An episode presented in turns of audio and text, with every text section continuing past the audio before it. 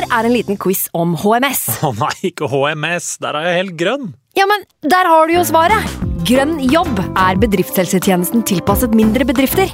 Våre HMS-eksperter hjelper mer enn 8000 bedrifter over hele Norge med alt fra lovpålagte HMS-krav til pålegg fra Arbeidstilsynet.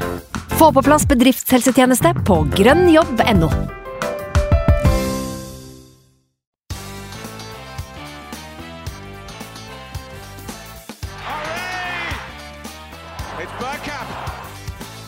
for grabs now! The next station is Arsenal. Hjertelig velkommen skal du være til en splitter ny episode av Arsenal Station med Sivert Skarstein Eriksen, Magnus Johansen og meg, Simen Goffeng. For en avslutning vi fikk på 2022 med Arsenal-fyrverkeri, anført av Martin Ødegaard og tre bortepoeng det lukta krutt av. Og jammen starta ikke det nye året også med at selveste Unai Emery hjemsøkte Tottenham nok en gang, og med det sørget for fullstendig krise borti nabolaget. Men til tross for fantastiske fotballoverskrifter, det er egentlig bare ett sted vi kan starte denne podden. Løtens store sønn har nemlig jobbet ekstra den senere tid, og nå i romjula kom endelig lønn for strevet. Hvis vi ser litt i terminlista og teller ni måneder tilbake, så skal vi ikke se helt bort fra at Artetas eh, potente angrepsspill har vært en slags eh, inspirasjon hos godeste herr Johansen. Uh, uansett, uh, det er en sann glede å ønske velkommen til en ny Arsenal-borger, og ønske vår gode venn Magnus til lykke med veslefrøken nummer to. Pappa Magnus der, altså. Og det betyr at uh, pappapermperioden er i gang, og dermed blir det oss to i dag, Sivert. Godt nyttår til deg. Godt nyttår.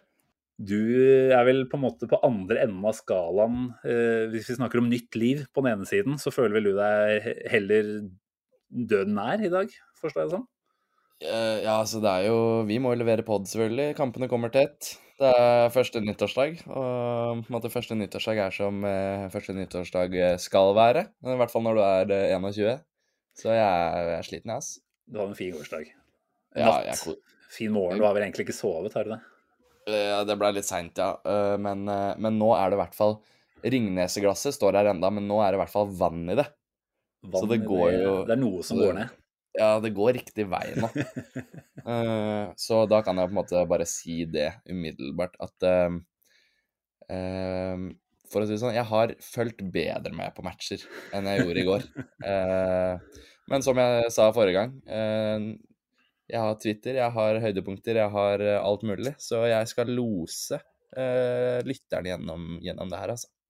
Den dyptgående kampanalysen, den står du for i dag. Det gjør jeg, vet du. Men det er et eller annet med å se, se Arsenal-kamp med en del innabords. Om det er rødvin i ditt i ditt tilfelle i går, eller eh, noen gode øl. Altså, det blir Når opplevelsen er god, så blir den jo bare forsterka. Det blir jo noe enda vakrere. Selv om man Altså, ikke jeg- får detaljene kanskje på samme måte, så, så kjenner du jo følelsen enda sterkere. Altså nå, nå i det siste i høst da, så har jeg uh, tulla litt med liksom, litt amerikanske viner. da. Litt sånn uh, Land of Saints og Next Winter og sånn. Men så tenkte jeg på nyttårsaften skal jeg kjøpe meg en uh, Hirsch Pinot til 600 spenn. Oi. Se på Arsenal, kose meg. Og, det, og, og jeg har aldri kost meg så mye. Jeg satt og drakk en flaske rødvin og så på Saka golla jo etter ett minutt der. Da hadde jeg noe pinnekjøtt uh, som putra litt og Ja, det var dritbra. Det var dritbra. det går godt om dagen, med andre ord. Altså Én ting er Arsenal, men når du kjøper deg nyttårsvin til 600 spenn, da, da er det 50 eh, innsats på Er det, er det Rimi? Eller, Det er, det er spar, det er spar, ja. Det er Spar, ja. Spar er det. Det er faen meg det man trenger her i livet, altså. Det er ikke mer.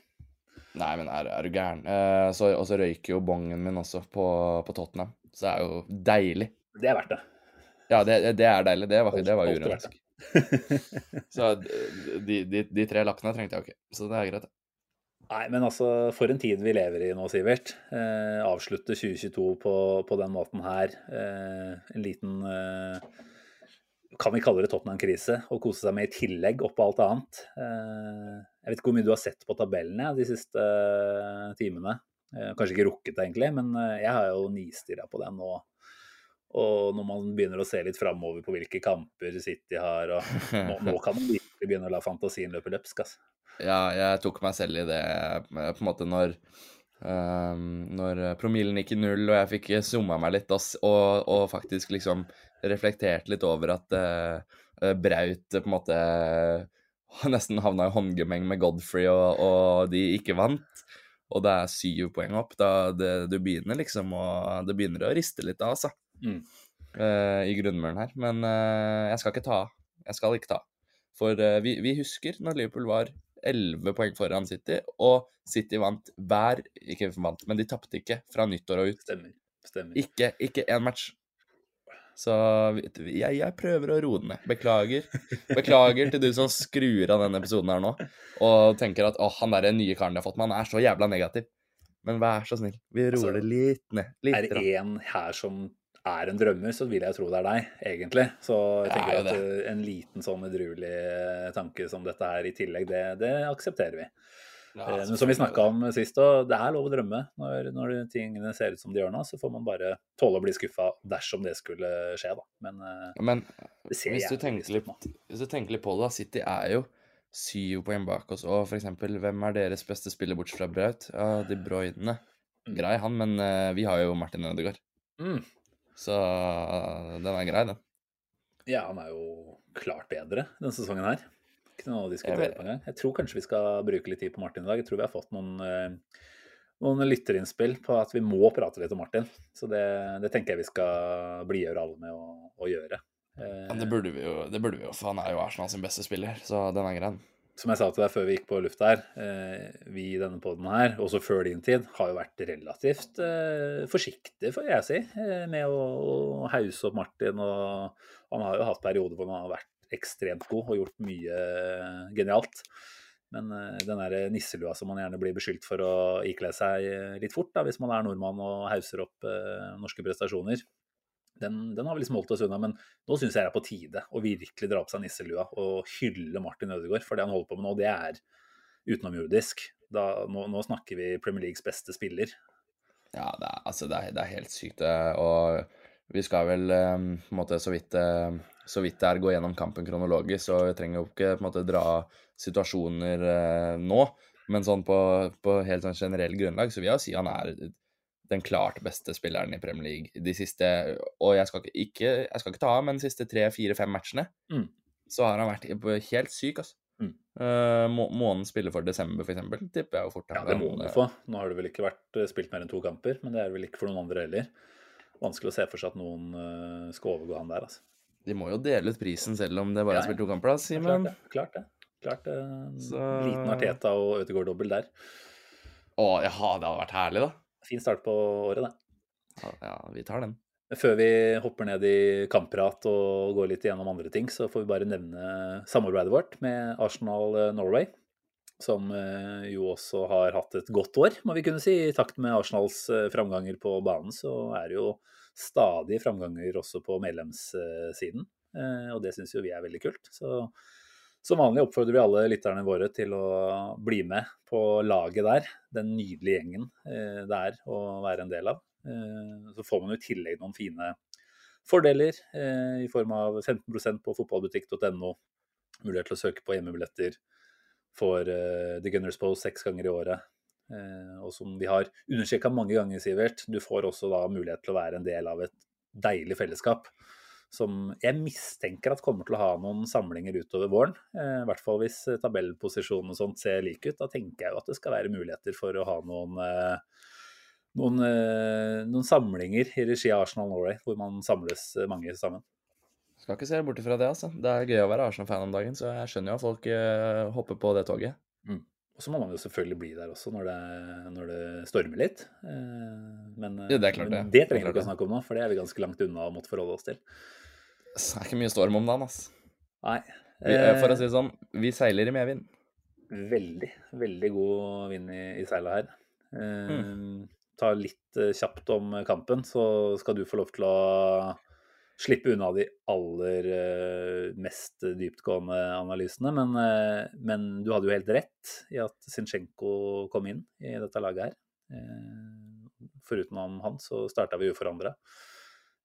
Ja, når jeg, når, jeg, når jeg tenker meg om, så var jeg ganske hardnakka på det. Ja, det, det var ikke noe grunn til å være beskjeden der. Det er bra det er litt hold i det jeg sier.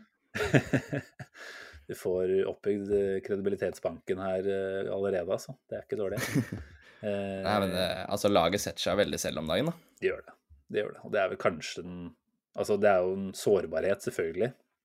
Men nå har vi også sett eksempler på at vi faktisk tåler at den eller den eller den er borte en kamp eller to eller tre. Det kommer inn erstatter og gjør en god jobb. Ikke nødvendigvis akkurat den samme jobben, men allikevel en jobb god nok til at laget fortsetter å vinne. Så, Nå er det vel argu argumenterbart Zinchenko og Jesus som har de beste alternativene på benken, da. Så skal det, skal det nappe litt bak i låret på party, f.eks., så, så Så ja, det er det jo grunn for bekymring. Men Det er et verstinger der vi kan miste, og som jeg kanskje absolutt ikke tåler å miste. Eh, Men eh, jeg skal ikke være helt historieløs her, jeg. Så jeg mener vel å huske at vi var relativt bekymra når eh, Gabriel Jesus eh, gikk ut. Eh, Man frykta jo at det skulle se dårligere ut enn det det har gjort nå de siste to kampene, i hvert fall. Så nok en gang er det på sin plass å fullrose Nketia for den jobben han legger ned. Selv om han ikke er overalt, sånn som Jesus er, så er han jo absolutt veldig mange steder på banen og bidrar i mange deler av spillet. så vidt jeg fikk med meg en god kamp igjen, ass, Nketia. Ja, vi si det. Så Eh, det- har jo, vi kan jo komme tilbake til det, men nok en gang et mål som ikke nødvendigvis en Gabriel Jesus hadde skåret. Eh, Og den tredje skåringa blir jo faktisk matchavgjørende i den kampen her. Så viktig bidrag. Eh, Vi går ut av startblokkene i eksplosjonsfart, som vi egentlig har hatt for vane ganske ofte denne sesongen. Jeg vet ikke hvor ofte vi har skåret før det tiende minutt, det burde jeg sikkert hatt på plass her nå, men det har, det har blitt noen ganger etter hvert. Nesten så du Ja. lurer litt på om ikke det er noe eh, motstanderne begynner å få øya opp for litt. Men eh, det virka ikke som Brighton var i nærheten av klare når, eh, når Arsenal eh, kjørte avspark her. Da var det en helt annen intensitet i det vi holdt på med. Ja, altså, jeg, jeg er jo litt sånn Brighton-entusiast. Jeg syns det er mye kule, kule spillere der. Eh, de var jo uten, uten Gaicedo og, og godeste Ja, godeste McAllister. McAllister. Mm. Uh. Og det hjelper jo også selvfølgelig. Men uh, jeg syns fra minutt 20 til 90, da, så ikke Så kjører ikke vi over Brighton. Altså, vi er effektive foran mål, men Brighton er gode. Brighton spiller en god kamp. Mm. Uh, så det som på en måte skiller lagene, blir jo at vi starter utrolig utrolig mye bedre. Uh, og, og det er jo ikke lovlig å, å være god fra start, på en måte. Det, det tar vi jo med oss, for det, sånn har det jo virkelig ikke vært. Uh, altså i uh, før Altså når det gikk litt verre for Teta, Mm. så drev jo jeg og kalte Arsenal liksom second half FC, for vi var jo aldri på Mm. fra start, liksom.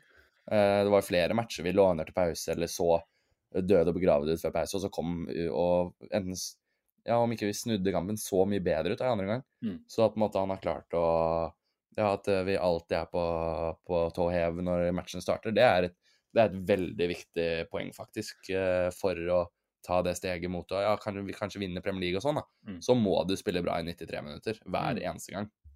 Ja, det er jo altså Det er jo nesten det enkleste du kan være god på. Altså, Der mange lag kanskje har en litt sånn tilnærming at ja, man føler seg litt fram i kampen og finner litt ut av hva motstanderen holder på med, så går vi rett og slett ut med en innstilling om at vi skal bare eh, Vi skal bare høvle over. Ja, vi skal eie dette her fra starten av. Eh, og det er jo Ja, altså- en, det er jo nesten gratismål når vi får de så tidlig. Og får et, eh, nå fikk vi for så vidt et kampbilde mot Brighton som ikke nødvendigvis var akkurat det vi ønska nødvendigvis, da, med tanke på ballinnehav og sånt.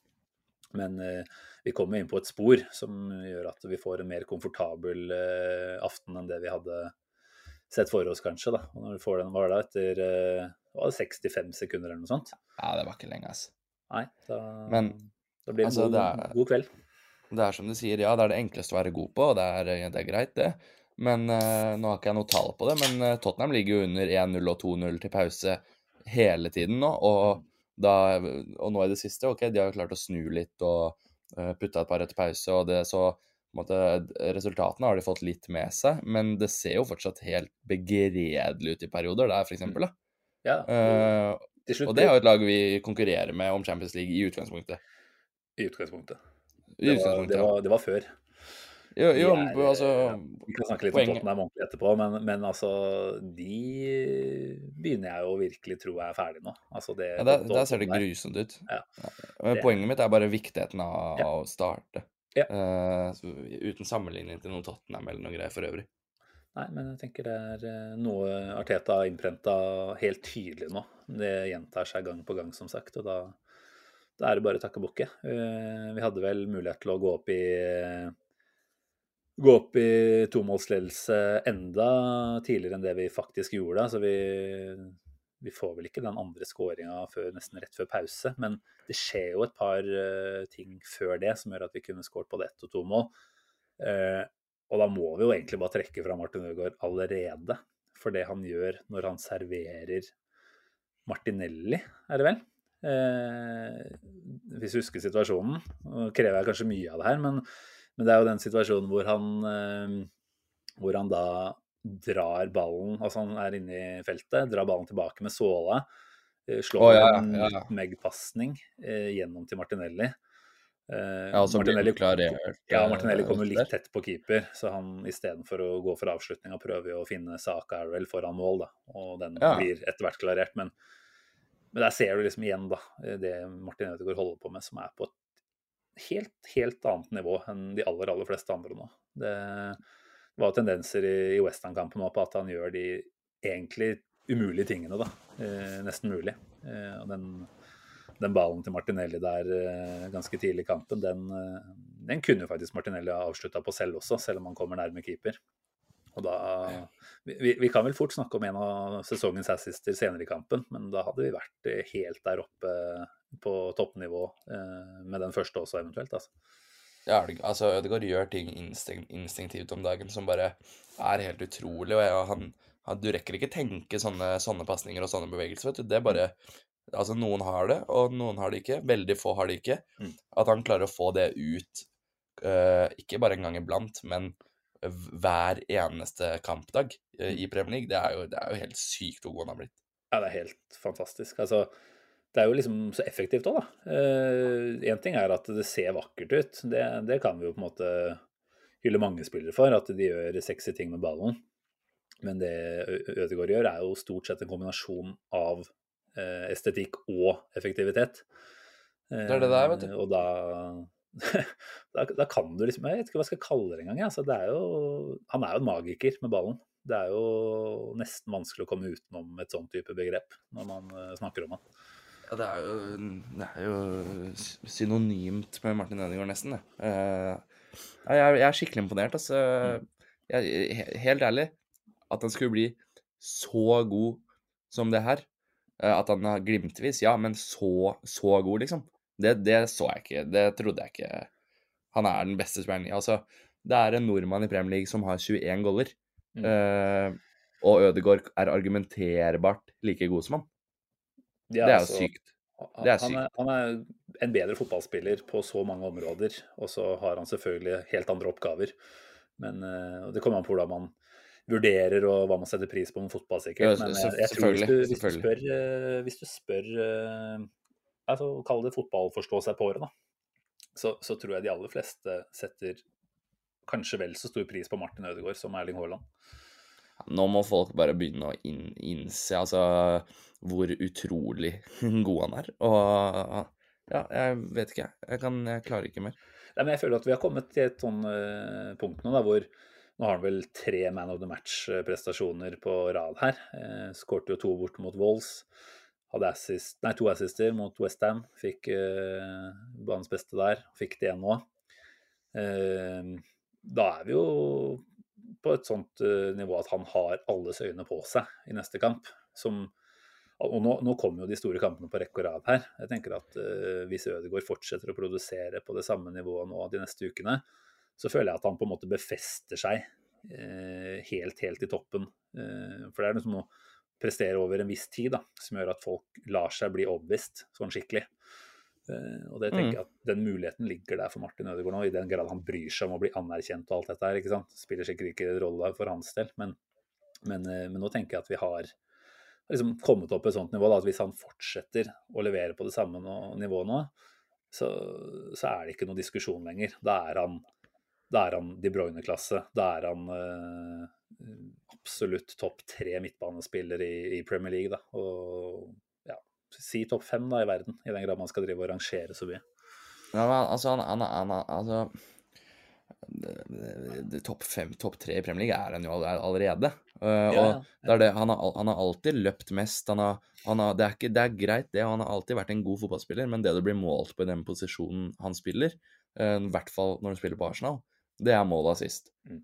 Og, det er, og nå, et eller annet må ha skjedd der, for uh, nå, sk nå scorer han mål. Han ser Han avslutter jo ofte, oftest mm, fle, flest ganger av alle Arsenal-spillerne. Mm. Eh, det gjorde han eh, mot Westham, og nå har ikke jeg dypdykka i tallene etter Brighton, men jeg, han, han skjøt mye. Eh, og og han, det virker som han har fått spilt på seg en sånn selvtillit foran mål, som er, det er skikkelig kult å se. Nei, jeg har dessverre ikke tallene helt eh, på plass, jeg heller. Eh, Magnus, du må komme tilbake og redde oss. Vi får for så vidt komme sterkere tilbake med, med tall etter, etter kamper i, i framtida, men eh, jeg tenker eh, vi, vi dekker den vel godt med adjektiver her uansett, om tallene ikke er helt på plass, eh, Sivert. Jeg syns, syns vi gir han velfortjent ros, og den ser man jo at nå kommer stadig flere steder fra. Vi har vel da fått en del innspill også om, om nevnte Martin. Morten Kleven konstaterer bare at det må snakkes Ødegaard. Ja, vær så god, Morten, vi har snakka Ødegaard. Eh, Men han kommer også med et spørsmål. Hvilken tier i Premier League, eller til og med kanskje verden, er bedre akkurat nå? Eh, og da er jo spørsmålet, ikke sant, er Martin en ren tier? Altså, han er jo en tier, men han gjør så mye mer også. Så det, blir vanskelig å sammenligne helt og holdent med andre tiere, kanskje.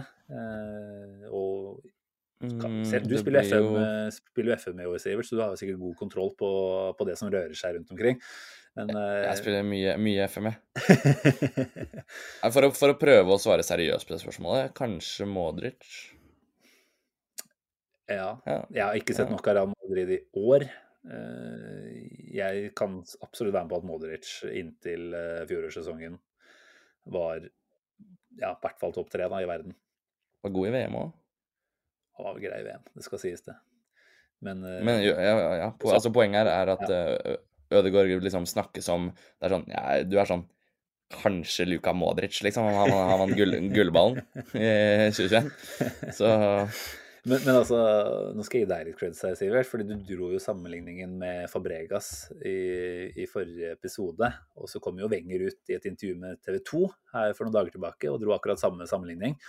Eh, så den gir deg en liten eh, chapeau, er det ikke det du sier? Eh, Av med hatten. jo Ja, men det må jo Og, så har vi vært, vært inne på Messi. ikke sant? Det, det fins trekk ved spillet man kan sammenligne med Messi. Altså Øtzil-sammenligningene er åpenbare med tanke på klubbtilhørighet man har vært i. ikke sant?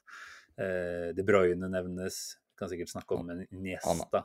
Altså, Han er Ja, ja. vi, vi- du hører hva vi holder på med. da. Vi sammenligner han med fotballstorheter. Eh, selvfølgelig Messi den største av de alle. og skal vi ikke bli helt tullete og si at vi er der ennå, men, men det han har holdt på med nå over en ganske lang periode, egentlig, det er, eh, det er elitenivå. Og at vi betalte 35 millioner pund til Real Madrid for det, den karen her, det, det klarer jeg ikke å fatte. Jeg så Fabrizio Romano måtte vel ut her og helt uoppfordra egentlig skrive en tweet om at, eh, at eh, Arsenal, nei, Real Madrid har ikke noe tilbakekjøpsklausul. Det er jo aldri noe vi har bekymra oss for, men eh, det sier jo kanskje også litt om hvilke, hvilke stemmer, eller hva som ropes fra et Real Madrids ståsted, da, når man ser disse prestasjonene, og de lurer på hva i helvete er det vi holder på med her. Ja, det viser seg å være en ut, utrolig bra business. Og jeg må bare minne deg på at han er født i 98. Vi har ikke sett det beste av Ødegaard, eh, for å si det sånn. Og han er, han er forelska i det, i det prosjektet, prosjektet Arteta her, så, Mm. og det er jo helt tydelig. Mm. Så, så nei, vi, han kommer jo til å signere alt som blir lagt foran han. eh, Han skal jo ikke noe sted, han. Han skal ikke noe sted. Eh, men det er jo et spennende spørsmål. Altså, det har jeg faktisk ikke tenkt på. Når er det kontrakten hans går ut? Eh, Er du rask? Du googler sikkert eh, raskt, så det finner du ut av. mens jeg, mens jeg spør. Eh, Men, men det er som jeg skulle sagt, at um, han burde jo dratt til PSV og ikke Real Madrid. Han har kontrakt til 2025, så det er tre år igjen. Ja, det er ja, det er faktisk bare to år til sommeren, da. Så det er vel egentlig tida for å forlenge han til sommeren. Det, det kan hende at det skal betales litt uh, mer i lønnsutgifter uh, neste sesong. Han er, han, er, han er hjerte og lunge og alt i det Arsenal-laget her, så det er ikke noe ting det, det, det orker jeg ikke å bruke tida på. Det er bare en fyllesyk første nyttårsdag. Han skal ingen steder, han.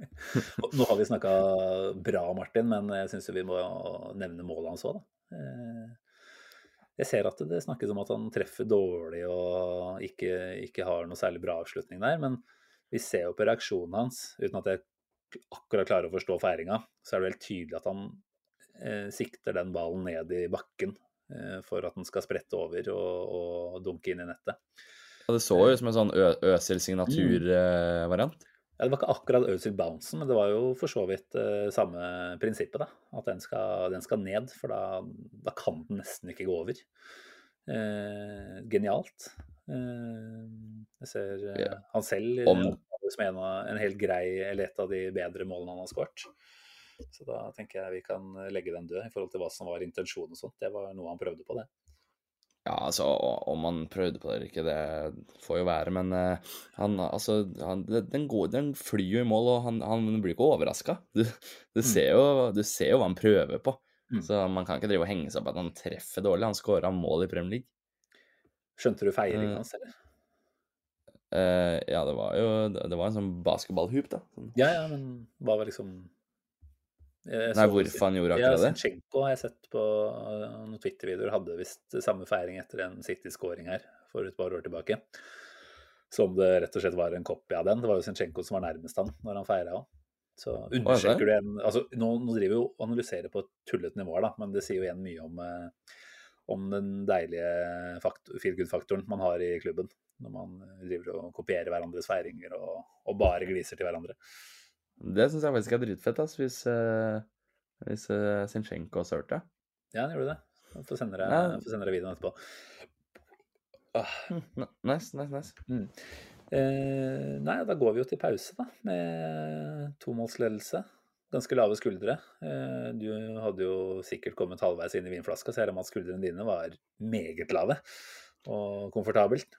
Men Ja, det eh, var eh, Altså, for jeg var jo i Jeg var jo i eh, med noen kamerater og dama og noen venninner og sånn.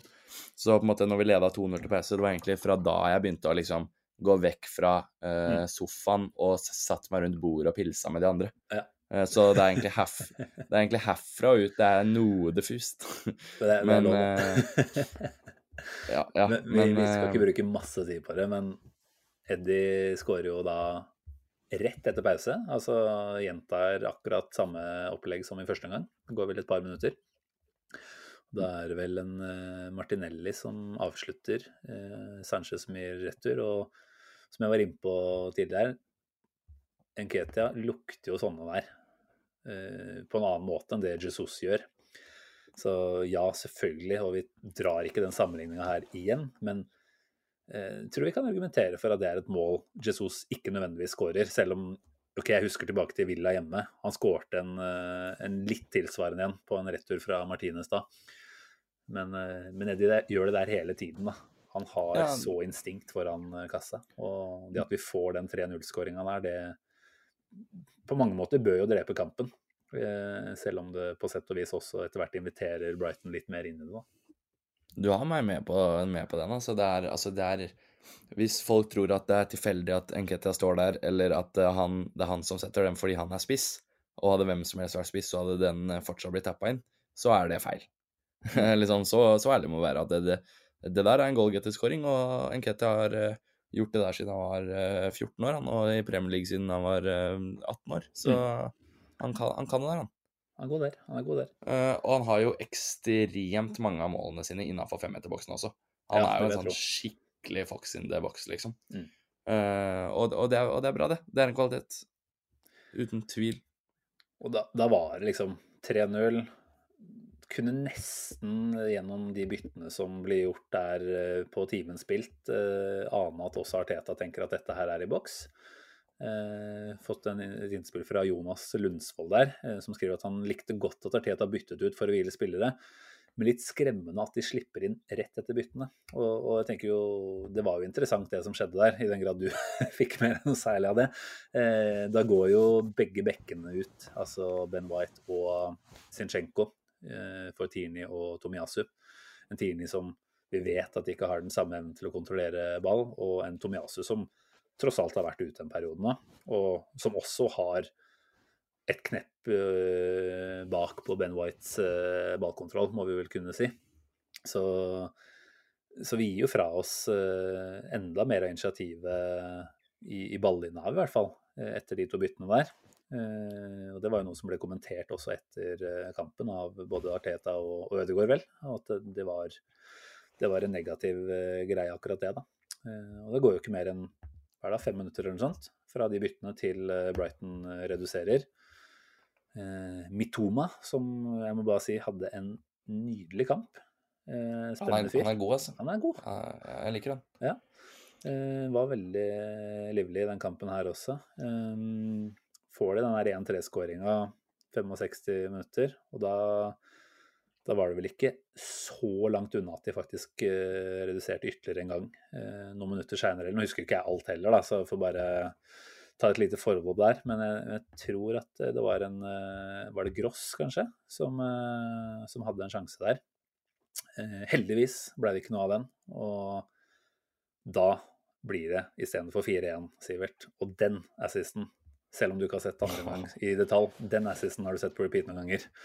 Den skåringa der uh, har jeg sett en uh, 15-20 ganger nå, ja. Eh, og, og selvfølgelig bra, bra av Martinelli å klare å løpe fra forsvaret med ball og, og sette den og, og alt det her. Veldig bra. Men det er jo den pasninga til Ødegaard som er jo Altså, helt seriøst. I Premier League så er det tre stykker som slår den pasninga. Det er eh, Kevin De Bruyne, Harry Kane altså, Vi har sett Kane slå de i bakrommet på sonen flere ganger. Ja. Og, og, så, og så er det Ødegaard. Eh, kanskje Nei, nei. Kanskje Tiago Nei. Altså, det er så høyt nivå Mm. på, på, på de greiene der. Eh, og og den fikk jeg faktisk med meg i går òg. og da, da måtte jeg spole litt tilbake på Viaplayen. For jeg ble jo helt Altså, jeg fikk jo helt sånn kaffeskjelva når jeg så at måten han bare sender Altså, han, han er jo Han har jo ryggen mot, eh, mot målet på egen bane. Altså, det er så jævlig bra. Og Mm. Altså Martinelli hadde jo ikke starta så mye engang. Det var sånn, det var jo ikke en åpenbar pasning i det hele tatt. Han bare slår den blindt inn der, og vekter den liksom klink perfekt. Ja, det kan faktisk ikke gjøres bedre. Og Det går ikke an å gjøre det bedre. ser jo veldig godt på de reprisene og når du ser på måten han skanner og, og vrir på huet flere ganger før der, at han har så god oversikt over hele fotballbanen. De Så- beste spillerne i verden er så vanvittig tullete gode på, på, på, det, på den skanningen du sier. Mm. På, på å vite hvor de har kompisene sine. Og, men én ting er å vite det, en annen ting er å utføre de greiene der. Stopp, vet du. Nei, altså, hvis du er- både har i huet og i beina, da, da kan du komme langt. Jeg tror vi, Da blir det noe. Da kan du bli ja, kanskje verdens beste fotballspiller etter hvert, Martin Ødegaard. Du kommer deg ut av du kommer deg i hvert fall ut av Real Madrid Castilla da, altså. Get out you ferdighetene can. der. Ja, men herregud. Kan ikke vi få lov til å hype opp han som en, som en sånn gresk Adonis, hvis vi vil det? For det første er det vår podkast, for det andre er han beste spilleren i Premier League. Det er rett. Der er det. Men altså, det som skal sies om det, om det målet der, det er jo at egentlig så er det jo nesten småkriminelt av Martinelli å gå for avslutninga selv. Når du har Saka klin ledig eh, til høyre der. Eh, men 100% altså Hadde det vært en annen situasjon, og i verste fall den ikke hadde blitt satt, så hadde jeg jo garantert slakta Martinelli for det. Men, Mm. eh, men med tanke på at pasninga fra Ødegaard var det den, den var, så var det helt riktig å avslutte, for den pasningen fortjente å være en assist. Den fortjente ikke å være en tredje sist, eh, eller en hockeyassist, da. Så Nei, vi hyller. og så kan, du, du kan jo også vri på det og, og, og si at å, å, å gå på skudd der, uh, ta med seg den og gå på skudd der, det vitner om en, en fyr med masse selvtillit. Mm. Og, og Martinelli også er bare 21 år, liksom. Han, han kommer til å bomme mange sånne, og han er ikke ferdig. Men han har sju mål i Premier League nå, og han bare fortsetter å storspille hver eneste kamp. Mm. Så vi må, vi må ta med oss det. Vi gjør det. vi gjør det. Eh, Målpoeng på alle de fire offensive. Det er jo noe å ta med seg, det òg. Det er en fin ting å ha med seg nå, tenker jeg. At eh, du egentlig absolutt alle de fire i fronten der eh, godt i gang. Og så har du en Sjaka som du veit kan produsere, og en, en Party som kan eh, skåre på et langskudd i ny og ne. Da begynner det å bli trusler fra overalt, da. og det, det, tenker jeg er et veldig fint utgangspunkt når eh, motstandere skal analysere seg uh, inn mot neste kamp. Hvem er det vi skal uh, ta sikte på da, når det kommer til å, å, forsvare oss på en mest mulig effektiv måte? Det er vanskelig, fordi Arsenal har trusler fra overalt. Ja, vi har mange, vi har mange strenger å spille på. Mm. Våre, våre 11-12 beste er så vanvittig gode at det er vanskelig å forberede seg på noen ting. Mm. Så må bare ta med oss det. Ja. Da var det altså 4-1, eh, men det tok vel ikke mer enn eh, ja, fem-seks minutter igjen da, før Brighton hadde fått inn en goal nummer to. Eh, igjen, vi liker ikke å være kritiske i den poden her, i hvert fall ikke når alt flyter så bra som det gjør nå. Men vi må kunne si at William Saliba har sett rusten ut i i hvert fall noen situasjoner i både Westham-kampen og denne her. og og måten man håndterer eh, hele den situasjonen der, eh, det, det var jo svakt. Så ærlig må vi kunne være. Eh, det var et eller annet med Det var en usikkerhet og en ubesluttsomhet som måtte gjentok seg fra den i forkant av straffesituasjonen mot Westham, hvor han ikke er aggressiv nok opp i klareringsspillet og, og lar ballen sprette og får en dårlig touch og egentlig serverer her han heter Ferguson, den uh, eh, avslutninga der. Uh, vet ikke hva du tenker om den? Det, skal, vi, skal, vi, være tabloide her nå? Er du bekymra for den utviklingen du ser hos Saliba etter VM? Uh, veldig tabloid spørsmål, takk for det. Å svare på dette med uh, bestemmelse. Nei, men uh, det, det, jeg mener, da, er jo at altså Det Wenger sa, det var jo at altså You pay for the education of young players with points. Mm. Ikke sant? Og han sa at hvis du har en 20 år gammel midtstopper, som f.eks. Saliba, så kommer det til å koste deg flere poeng i løpet av en sesong enn kanskje en mindre talentfull 28-åring hadde kosta deg. Og, og, det må du bare stå i, for når han er 23-24 år, så har du en, da, da har du real deal. Mm. Det, oversatt til norsk så sa jo Wenger det.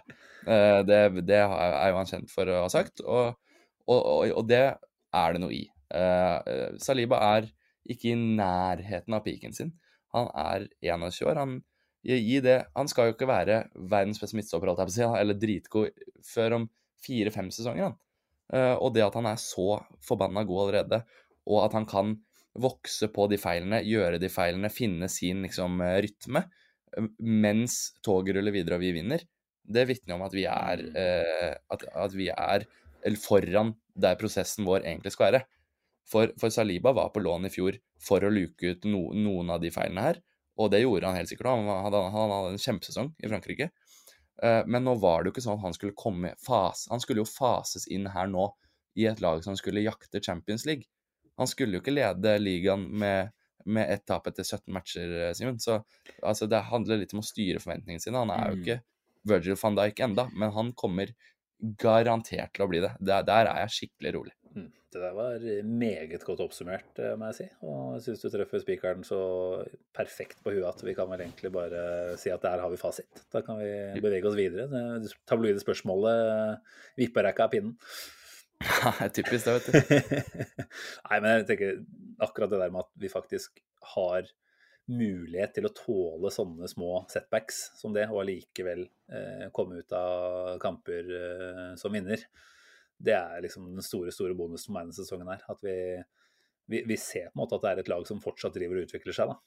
Eh, men til tross for det, så, så, har vi nok inni oss til å ja, stort sett da vippe kampen i vår favør, med to hele unntak denne sesongen her. Eh, hvor vi for så vidt eh, fortjente seieren i begge to. Det er vel det er vel faktisk i 15 av 16 kamper denne sesongen her vi har eh, vært det beste laget, hvis vi skal måle det på XG. Det er vel bare Leeds borte, hvor vi faktisk ikke fortjente å vinne.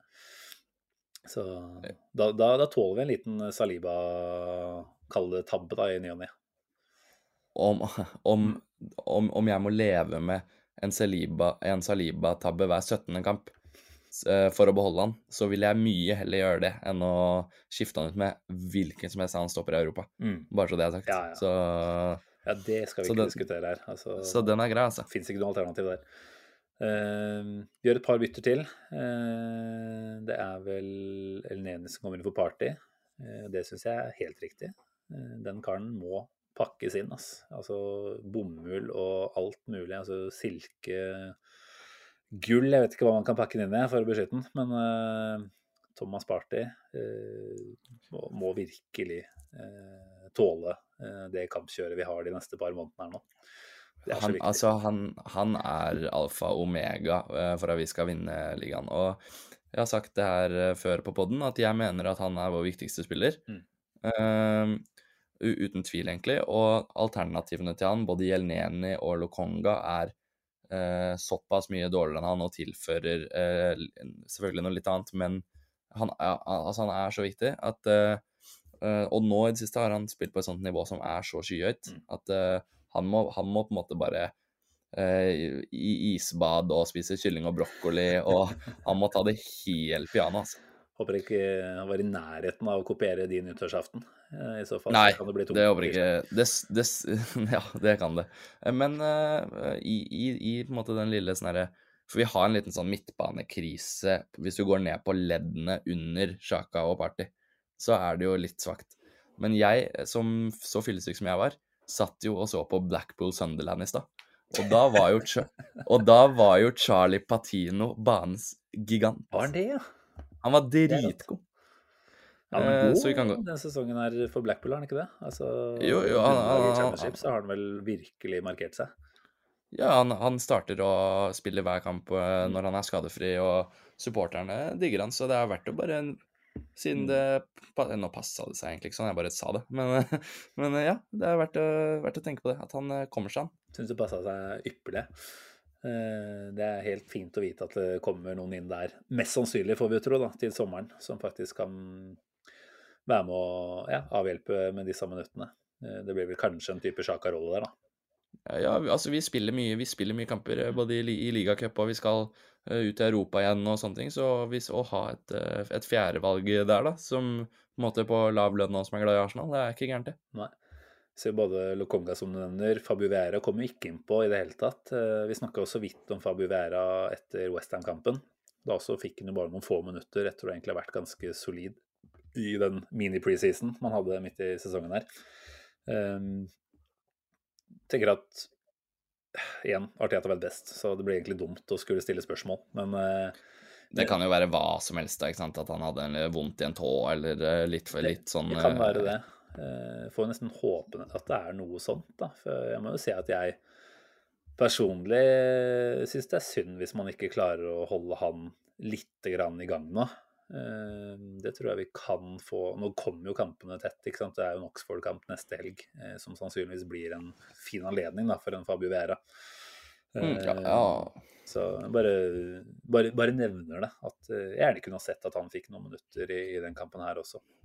Siden vi er og nevner sånne småting, så syns jeg jo også at liksom på Når vi leder eh, 3-0, da, at én av Saka og Martinelli kanskje ikke på en måte trenger å spille 90 når vi spiller mot Newcastle på tirsdag, og, uh, og Markinios, for eksempel, da, som sitter på benken her, har jo absolutt ikke gjort seg bort i de sporadiske innhoppene han har fått.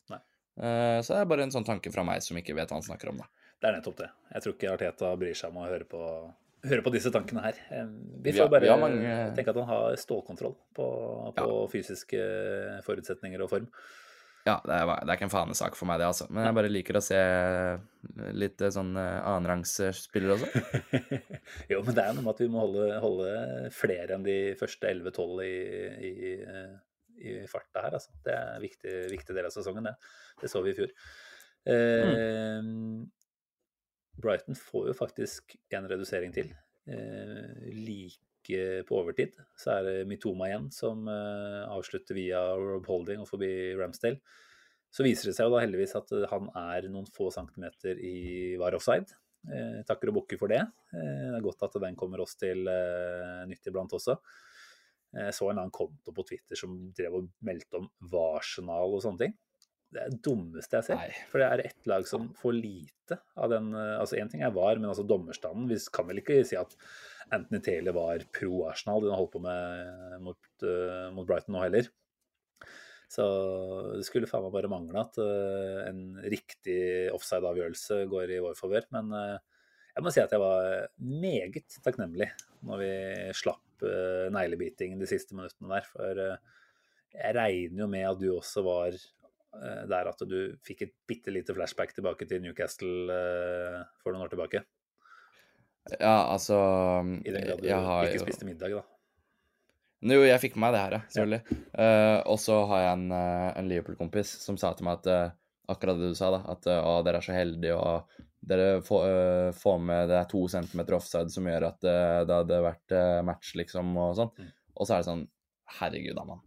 Det er jo offside, liksom. Altså, det er hva, hva er det du prøver på, da, når du drar opp det, liksom? Det er en offside. Det er, det er svart. Det er den eneste tingen som er svart og hvit i fotball. Mm. Det, du, du må jo, det må være lov å bare ta armene i været og si ja, det var offside, liksom. Og så bare gå videre med det. Mm. Uh, så ja, og ja, sånne ting gidder jeg faktisk Det, det, det provoserer meg faktisk. Og det er veldig fornuftig å bare ikke gidde. For det er noe man ikke trenger å bruke altfor mye tid på, så er det å diskutere med motstandersupportere. Da kommer man ofte ikke så veldig langt.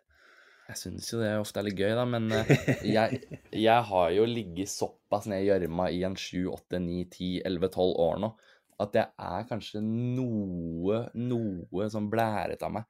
F.eks. For eksempel til de Liverpool-gutta som har opplevd spist så godt i så mange år nå. Mm. Så la jeg de kanskje få høre det litt mer enn jeg kanskje burde. Jeg burde jo kanskje liksom walk the walk og talk the talk litt mer enn jeg gjør. Men, eh, men det handler jo litt om å leve i nuet, da. Vi fortjener det. Ja, altså Sterkere menn enn deg har, eh, har latt seg friste når eh, tabellen ser ut som den gjør nå. Da er det vanskelig å motstå det. Veldig lett å, å beske, meske seg litt i, i dagens situasjon. Vi må ta med ett spørsmål til her, som for så vidt ikke var Vi hoppa litt forbi det da vi snakka om goal nummer tre.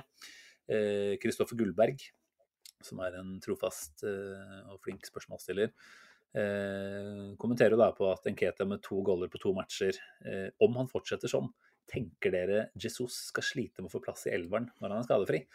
Eh, tenker bare at det er fint å komme med spørsmålet og høre hva du vil svare på det, Sivert. Eh, da svarer jeg at uh, Eddie Nketia er en spiss som tjener 1 million norske kroner i uka og har lyst til å spille så mye som mulig.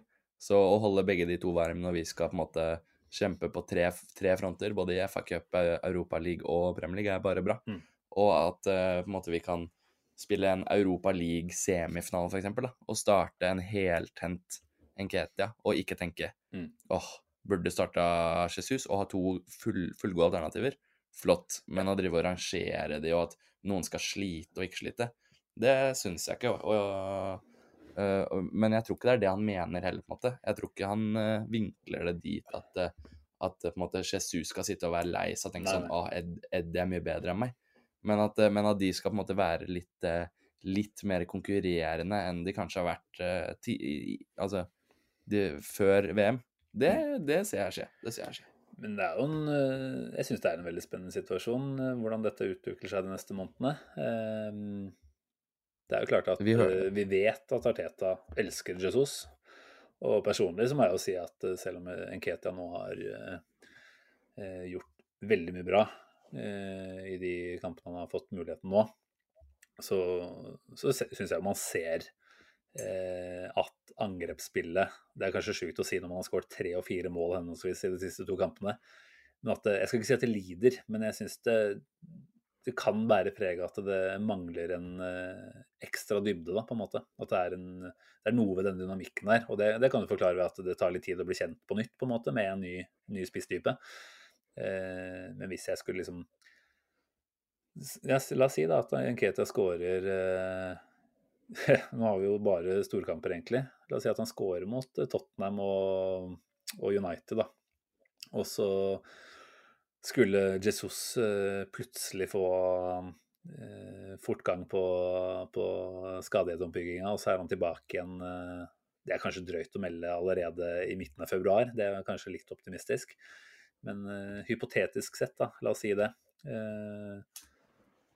Og da må vi ta med i betraktning nå at han selvfølgelig trenger å spille sakte, men sikkert inn. Så ja, jeg tror Nketia ville starta, men jeg tror veien er kort tilbake for Jesus. da. Det er vel egentlig det jeg prøver å, å få fram her. Jeg tror at når det skal prioriteres en uh, toppa elver uh, utover uh, våren, så tror jeg Jesus er der. Uh, Ja, det er, det er jeg helt enig i, uh, selvfølgelig. Men selvfølgelig, vi, vi- vi, skal, vi skal kjempe på tre fronter, som du sier. Og ideelt sett så, så drar vi med oss flere pokaler den sommeren her. Og, og da må vi ha flere gode angrepsalternativer. Ja, altså jeg eh, Det hørte vi i forrige episode at jeg er veldig glad i Eddie Nketia. Jeg snakker jo på en måte litt hans sak. Eh, og, og det jeg har sett av han på slutten av forrige sesong og nå, da tror jeg helt seriøst at han starter for alle de andre lagene i ligaen, utenom City og Tottenham. Altså, bare fordi han var gratis og, og, og, det, og, eller, altså, og egenprodusert, så trenger vi ikke ikke rate han. Altså, Nketia er det som skjer når du ikke, når du ikke eh, bare henter eh, noe glamorøst. Eh, og altså, han er en, en, en målmaskin. Han er der det skjer, og han, kom, han scorer mål. Mm. Så la oss bare på en måte jeg, jeg elsker jo å sitte og praise Eddie, så det kan jo jeg gjøre en time. Men, men la oss bare være enige om å være skikkelig fornøyd med å ha to gode spissalternativer. Og det, det tenker jeg er eh, egentlig enden på visa der. Altså, gode lag trenger flere gode alternativer. Eh, og så tenker jeg at når vi har en så dyktig manager som Arteta, så klarer han også å sjonglere så godt som Altså- mulig, i hvert fall, eh, på, på styrkene til de forskjellige vi har, eh, har å velge mellom. Og da, jeg tenker at Nketia selvfølgelig nå har en mulighet her, det har han sagt selv også. Men eh, med tanke på den begrensede spilletiden han har fått da, med Jesus i, i førersetet nå hele høstsesongen, så, så kunne man risikert at Nketia hadde begynt å gå litt surr. At han allerede i januar Jo, men altså, du altså, jeg, jeg hyller eh, både han og jeg hyller Arteta eh, for at man er i en situasjon hvor man får inn det som egentlig da er en backup-spiss, som kanskje i sitt stille sinn har tenkt at han fortjener litt bedre. Eh, At han kommer Eh. med den innstillinga, den mentaliteten og den kvaliteten som han har gjort nå, da. Eh, ja, ære være både han og Arteta for at man får, får det. Al- Altså, jeg skjønner hvor, selvfølgelig hvor du vil med det, eh, men altså det Arteta gjør her nå, er jo å bygge et superlag. Det er jo det, å, å være annenfyllin på Arsenal uh, i 2023. Det må jo ikke annenfyllin, da, men eh, altså konkurrerende uh, i 2023. Det må jo være kanskje det mest spennende prosjektet i fotball-Europa. Uh, og altså, hvis du ser på nemesisen vår som er syv poeng bak, City, så er det De har eh, Julian Alvarez på benken hver eneste kamp, og han starta eh, i VM ved siden av Messi. Mm. Han er, uh, unnskyld språket, faen så god. Han er dritgod. Eh, og så ser du også videre på City. Riyad Mahrez sitter på benken der. Eh, da henter vi Mudrik, eh, som er en av de mer spennende kantspillerne i Europa. Eh, han der Di Serbi har jo gått så langt å si at han tror han kommer til å vinne Ballon d'Or. Skal han sitte det, er- det er jo bare plass til to av Mudrik, Saka og Martinelli. Mm. En, av, en av de må jo sitte på benken fra tid til annen. Mm. Sammen med en skikkelig god Eddie Nketia, sammen med en, eh, en Tomiyasu for eksempel. Eh, altså, det, det, vi begynner å få et uh, ordentlig bra lag etter hvert, uh, hvis de gutta melder seg på. Og det må jo være målet. Nøkkel, eh, nøkkelen du kommer med her, er jo superlag. Altså, hvis vi skal regjere over flere år i flere turneringer, så trenger man jo dette. Så du har helt rett. Er- Ja, og dit jeg ville òg, var at jeg tror på en måte og Hvis du er 13. valg og 14. valg eh, og, og på, det, på det greiene her, så tror jeg ikke det går av surmuler, altså. Det ser ut som det er så god stemning i troppen og, eh, og, og det greiene her. Og du så jo også på den derre All or Nothing-dokumentaren. Skulle si det. Eh, ja, hvor han Lokonga Lukonga sitter og klager litt, og jeg starta ikke så mye og sånn. Så var det jo en Ketta som Mm. sa sånn Kompis, bare ta deg sammen og jobb for det, så kommer, det, så kommer dagen din. Nei, mønsterproff. Mønsterproff. Passer perfekt inn hos Arteta. Ja, det er det. Gjør det. Uh, ja, nei, men da er vel kampen ferdig dissekert, er den ikke det? Uh, deilige tre poeng. Uh, vet ikke helt om det er noe bedre Det er vel ikke noe bedre bortelag nå i ligaen i år? Ikke i nærheten. Det er ikke det. Det er ikke Det det. kan det jo ikke være. Eh, Da har vi altså, når City spiller uavgjort mot Everton, og Newcastle ikke klarer å hull på byllen hjemme mot Leeds eh, Sju og ni poeng ned til eh, våre to nærmeste forfølgere. det er ganske drøyt Mm. å være i en sånn situasjon med Ja, skal sies at vi ikke er halvveis i gang, men det nærmer seg halvveis. Vi har jo ikke droppa poeng på Emirates ennå heller, så eh, Newcastle neste på Emirates nå går jeg inn med Clocker Ja, ja. Uten tvil. Altså, det er vanskelig å Vi sa det vel sist òg, at uh, dette er kampen hvor Newcastle skal av, avsløres. Uh, får, vi, Ja, får vi se, ja, da. Men, uh, men jeg tenker at Altså, Newcastle virker kjempesolid. Men jeg, jeg rater jo den jobben Arteta har gjort, og jeg tror han klarer å finne de åpningene som, som er da, i, i det Newcastle-laget her også. Det blir ekstremt spennende. Og heldigvis så har vi fortsatt alle våre beste med, for verken Saliba fikk vel noe mer kort her. Eh, Saka fikk jo et gult kort til, betyr at han er oppe i fire stykk. Og risikerer å da måtte stå over eh, en av de neste kampene, hvis han Mm. får det til. Eh, så er det sånn at ved 19 spilte kamper så øker jo grensa for antall gule kort som skal til for utstengelse. Eh, nå er det på fem, og det øker vel til ti, naturlig nok, eh, ved 19. Ja, nei, ja, så klarer Saka annet eh, å komme seg gjennom de neste tre kampene så skal jeg være glad. Ja, jeg tror Ja, det, du oppsummerer fint der. Uh, Sats på å holde gutta intakt. Og Newcastle mangler jo eh, et par av gutta sine, Oi. gjør det ikke det? Gjør det? Jeg har ikke peiling på hva Newcastle har å komme med. St. Maxima har vel kanskje vært ute en periode, eller?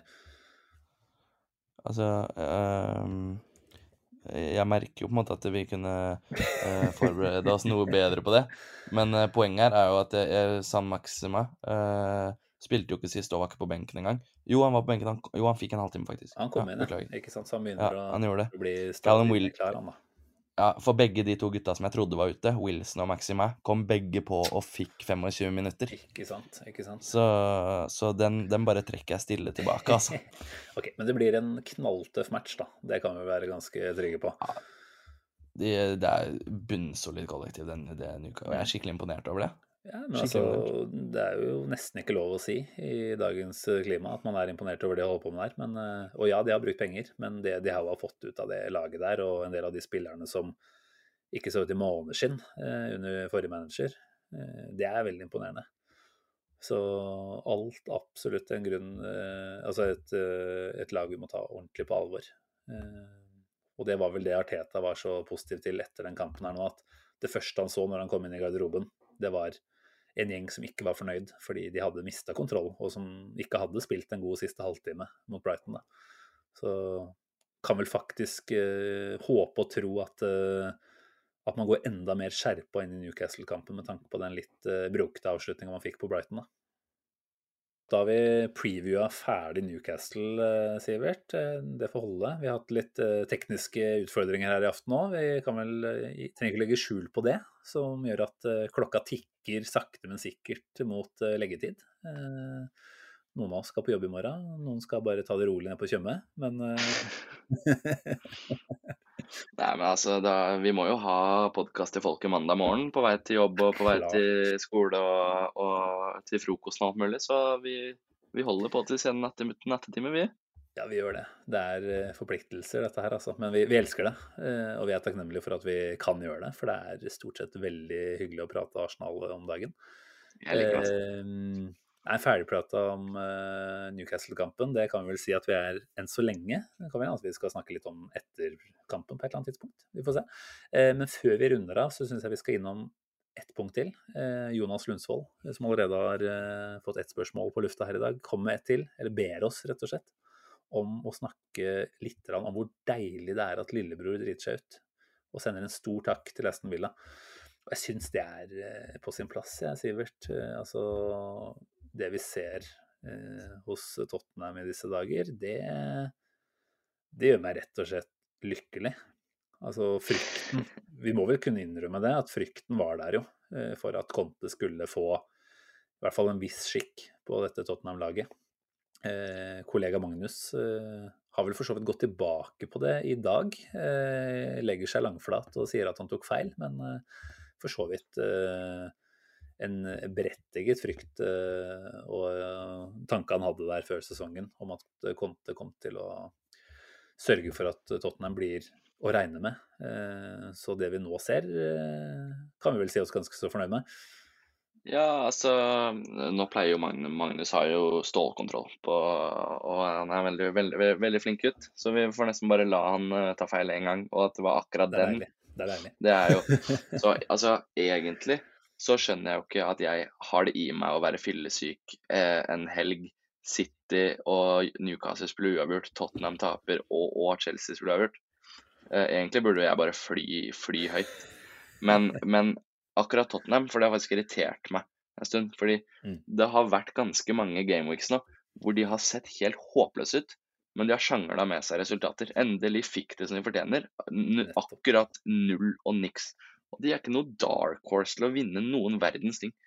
Altså, de har vært i ligacupfinale, Champions League-finale nå nå i veldig nyere tid, altså, mens vi har ligget med brukket rygg. Mm. Men de har jo ikke løfta noen verdens ting. Eh, Og det kommer de ikke til å gjøre heller. For det er, det er, jo, bare, det er jo bare sorgen. Det er, jeg, jeg blir gæren av å prate om det. Jo, men det er Eh, altså, no- Contes eh, antifotball har jo endelig fått has på dem, tenker jeg. Det er vel No- no- eh, ti kamper på rad nå at de faktisk slipper inn først. Og som du sier, de har hatt en jævlig uvane ved å komme tilbake og redde enten ett eller tre poeng i mange av de. Men Ja, de, de, har- nå, de har dessverre det. nå var de ikke i nærheten. Altså, jeg så en del av den Spurs-Villa-kampen i dag. Og Det er så håpløst. altså, de, de hadde ingenting å komme framover. Men de har ikke Altså, hatt det i hele høst. Jeg skjønner ikke hvordan de er i nærheten av, av, Champions League. Nei, og det, altså, det vi ser nå er jo at Conte sannsynligvis begynner å gå sur. Eh, som for så vidt er forståelig, med tanke på at han har en CV som tilsier at han skal være oppe og kjempe om titler. Men det er jo litt gøy òg, for han kan jo takke seg sjæl. Han. Han har jo fått brukt eh, dag er det, to-tre milliarder på å hente spillere siden han kom inn. Eh, Så få, ja. Ja, og så klager han jo selvfølgelig på at de fortsatt ikke er i nærheten. Eh, Snakka vel etter den kampen her nå mot Villa om at eh, Tottenham-fansen fortjener å Ja, de fortjener å vite, de fortjener det beste. Men det er klart, dette er jo hans verk. eh, Siden- I en viss grad, i hvert fall. Så Jo, det er ikke, det er det ikke sånn at han bare kan sutre seg til eh, eh, to-tre store signeringer nå i januar og, og plutselig skulle gjøre det bedre. Altså, dette er kontefotball, og det, det er ikke i nærheten lenger. Nei, altså det er eh, jeg, tror, jeg tror det er rundt 10-15 millioner pund som skiller måte, forbruket til Conte og Arteta siden, siden de tok over. Uh, og, og, og, og nå er vi altså 13 poeng foran de, og de ser så dårlig ut. Altså, Tottenham på Emirates var vel en av de mest komfortable kampene denne sesongen. De bydde jo ikke opp til dans i ti minutter engang. Mm. Uh, så noe som er litt hyggeligere å prate om, da, Simen, er at nå fikk jeg melding her av en eh, eh, eh, k- kamerat av meg som sendte meg to billetter til Newcastle-kampen, som da er til din fetter. Det er hyggelig. Det, det kan jo nevnte fetter eh, sette pris på, tenker jeg. Han har Jeg tror det. gleda seg til Newcastle-kamp en stund nå. Da skal, vi, da skal vi melde fetter etter innspilling her og si at eh, dette Eller skal vi holde om på pinebenken litt, så han kan høre på morgendagens episode og høre om han kanskje får billetter eller ikke. Jeg tror, det, jeg tror kanskje det. Det er jo en liten sånn fiks idé, men jeg regner med at han hører på uansett. Men uh, det er jo storveis at uh, dine kontakter uh, ja, leverer nok en gang. Nå er forsiktig du også, vet du, og ikke bli altfor uh, ut, uttrykkelig på hvor flink du er til å hjelpe folk. Jeg, ja, ja, jeg kan jo bare si det, at jeg får mer meldinger av folk enn jeg klarer å håndtere. Og som en hovedregel så hjelper jeg kamerater. Eh, det er, men selvfølgelig, eh, det er jo lov å prøve seg. Jeg, jeg har vært der sjøl, så det er ikke det, liksom. Det er ikke, det er ikke, noe, det er ikke noe greier. Men hvis du hører på den podkasten her og har sendt meg en melding, og jeg for eks- har svart litt kort eller virker som en eh, en litt sånn um, fyr som ikke bryr seg, liksom, så stemmer ikke det. Men spesielt når vi gjør det så godt som nå, så får jeg Mm. veldig mye meldinger. Og, og jeg har ikke Jeg er ikke noen sånn billettfyr. Jeg tjener ikke noe penger på det. Jeg har ikke noe lyst til det, på en måte. Eh, så, så jeg har Ja. Eh, det vil jeg bare si, da. Det er greit. Ja, men Det er greit å ha på lufta. Og igjen, det er jo rett og slett at blir det et for stort trykk, så, så blir det sjanseløst til å dekke overalt. Så enkelt er det jo. Så enkelt er det. Mm.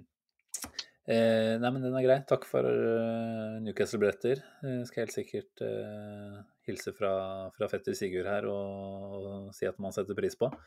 Det blir en bra kamp, det der. Jeg har så god følelse for den, jeg. Eh, Helt ærlig, vi taper på Emirates. Eh, jeg tror ah, Skal jeg putte hodet på stabben nå? Ja, jeg tror vi ikke taper på Emirates denne sesongen. Ja, det er tøft å melde, faktisk. Men eh, Ja, igjen, når- det, er, når- det er jo et City-lag som kommer på besøk, som kanskje er det eneste vi kan være ordentlig redde for at skal slå oss, da. Ja, men da har vi jo Mikailo Mudrik. Sant. Da, da går det bra. Nei, jeg tror det kan gå, kan gå ganske bra. Og så et annet navn som jeg også bare vil nevne kjapt her. Nå hadde vi en Tottenham-prat eh, litt i forbindelse med det. Um, Kulisevski eh, er Arsenal-fan. Mm. Er eh, en spennende høyrekant som gjør mye forskjellig. Eh, har en klausul i kontrakten med Tottenham som vel tilsier at han enten må spille et visst antall kamper, eller de må kvalle til Champions League i år for at han skal uh, gå dit permanent. Uh, med et forbehold om at det ikke er helt 100% korrekt. Uh, Så hvis jeg driter meg ut der, så får man bare ta meg på det. Men, men jeg mener at det er noen sånne ting som skal være på plass, da. Eh, Det kan jo, det kan jo være at ikke Tottenham kvaler til Champions League. Det, det er lov å håpe på det nå. Det Eh. kan ikke skje så jævlig dårlig som det ser ut. Nei, altså jeg, jeg sier jo ikke at vi skal inn og hijacke en eh, Kulusevski nå i januar. Det tror jeg blir veldig vanskelig. Det er vel kanskje umulig, til og med. Men er det en type du kunne Altså, én ting er jo at han som spiller virker å ha en del for seg. Er Arsenal-fan. Tottenham-fansen elsker han jo. Jeg liker den, jeg òg, egentlig. altså. Ja. Hvor fett hadde ikke det vært, da? Altså Ja, få han til Arsenal for 30 millioner eh, når Tottenham eh, driver og vaker rundt eh, midten av tabellen her i, i, sommeren. Det blir gøy. Nei, Storhetstid er tilbake. ass. Den har ikke streifa meg for den tanken der, men den, jeg likte den. Det, det, hadde, det hadde vært helt herlig. Altså, det hadde jo rett og slett bare vært gøy. Altså, eh, kvaliteten på spilleren er jo der, men, eh, men her er det jo vel så mye at det hadde gjort vondt langt inn i hjerterota sannsynligvis på Tottenham. da. Det er jo lov å tulle litt med det, da. Ja. Men igjen, det kan jo alt, hende at alt bygger på et falskt premiss her nå fra min side, som eh, bare er eh, overheit på morsomme løsninger. Men, eh, men jeg, jeg har litt troa på at eh, det ligger noe der. Altså, jeg tror eh, Champions League var en av forutsetningene gjerne for at eh, de skulle hente han. Ja, ja men ja, det, hvis det stemmer, så, så, kommer jo, kom jo flere klubber i Europa til å ligge Mm. paddeflat etter han, for han er jo han er dritgod. Absolutt. Absolutt. Så den er grei å ta med seg, den. Vi får se. Vi får se hva fremtida bringer, Sivert. Eh, For din del håper jeg den bringer en god morgendag, først og fremst. Den gjør nok det, vet du. Ja. Tenker at vi skal runde av der, jeg. Takk for en strålende prat. Det har vært eh, veldig hyggelig. Eh, hvis vi er heldige, så får vi kanskje med Magnus til og med neste pod. Vi vet ikke akkurat når det blir. Nå er det jo en midtukekamp, og så er det jo en FA Cup-kamp som ikke er vel før mandag, faktisk. Eh, det fucker opp litt med våre faste innspilltidspunkter på søndag kveld. Men Det det. eh, vi dukker eh, plutselig opp med noe nytt, vi. Som det står i CV-ene vi selv sender rundt til arbeidsgiver, at vi er jo veldig fleksible. Veldig fleksible. Mm. Altså, Snakke litt Arsenal skal vi alltids kunne klare å gjøre både en torsdag eller en mandag eller tirsdag, men eh, vi får se hva som passer inn. da. Det er klart, Har man eh, fått barn nummer to, så er man kanskje litt mindre fleksibel òg, det skal sies. Det er vel en av, en av få unnskyldninger som er veldig, veldig på godkjentsida, ja. Ja, så vi får bare avslutte der vi starta, egentlig, med å ønske Magnus uh, veldig stort gratulerer med, med sin nye fire Altså, det er en familie på fire, rett og slett. Han har rett og slett uh, runda livet, han nå. ja. Det er jo perfekt, det. Løtens store sønn. Nei, vi, vi ses eh, snart, Sivert. Og om du blir medlem uten, uten Magnus, det, det får tida vise bare. Eh, takk for praten. Tusen takk til eh, lytterne som eh, følger med oss eh, hele veien. eh, som vi oppfordrer om på slutten av hver episode. Gå gjerne inn på Spotify, iTunes eller andre steder hvor du hører podkasten din, og gi oss en rating. En tilbakemelding der. Det setter vi veldig stor pris på. Og så sier vi bare på gjenhør om ikke altfor lenge. Ha det bra. Ha det bra.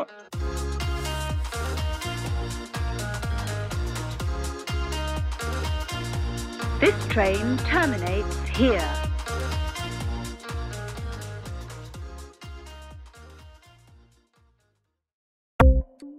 Ukens annonsør er HelloFresh.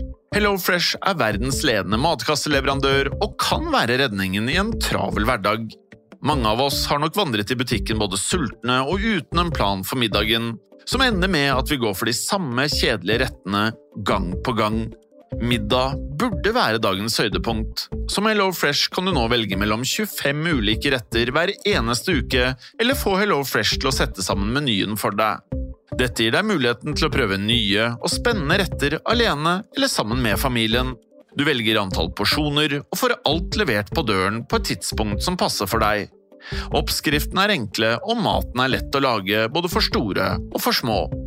Ved å få alt levert hjem får du også mer tid til å dele matgleden med familie og venner. Kanskje det frister med asiatiske tacos eller greskinspirert kylling? Da kan jeg anbefale deg om å gå inn på hellofresh.no. Her kan du bruke koden FOTBALL og få opptil 1779 kroner i rabatt på de første fem matkastene hvis du ikke har prøvd Hello Fresh tidligere. Du kan også bruke rabatten hvis du har vært kunde og stoppet abonnementet ditt for tolv måneder siden eller lengre. Gå inn på hellofresh.no og bruk koden FOTBALL. Har du et enkeltpersonforetak eller en liten bedrift? Da er du sikkert lei av å høre meg snakke om hvor enkelt det er med kvitteringer og bilag i fiken, så vi eh, gir oss her, vi. Fordi vi liker enkelt. Fiken superenkelt regnskap.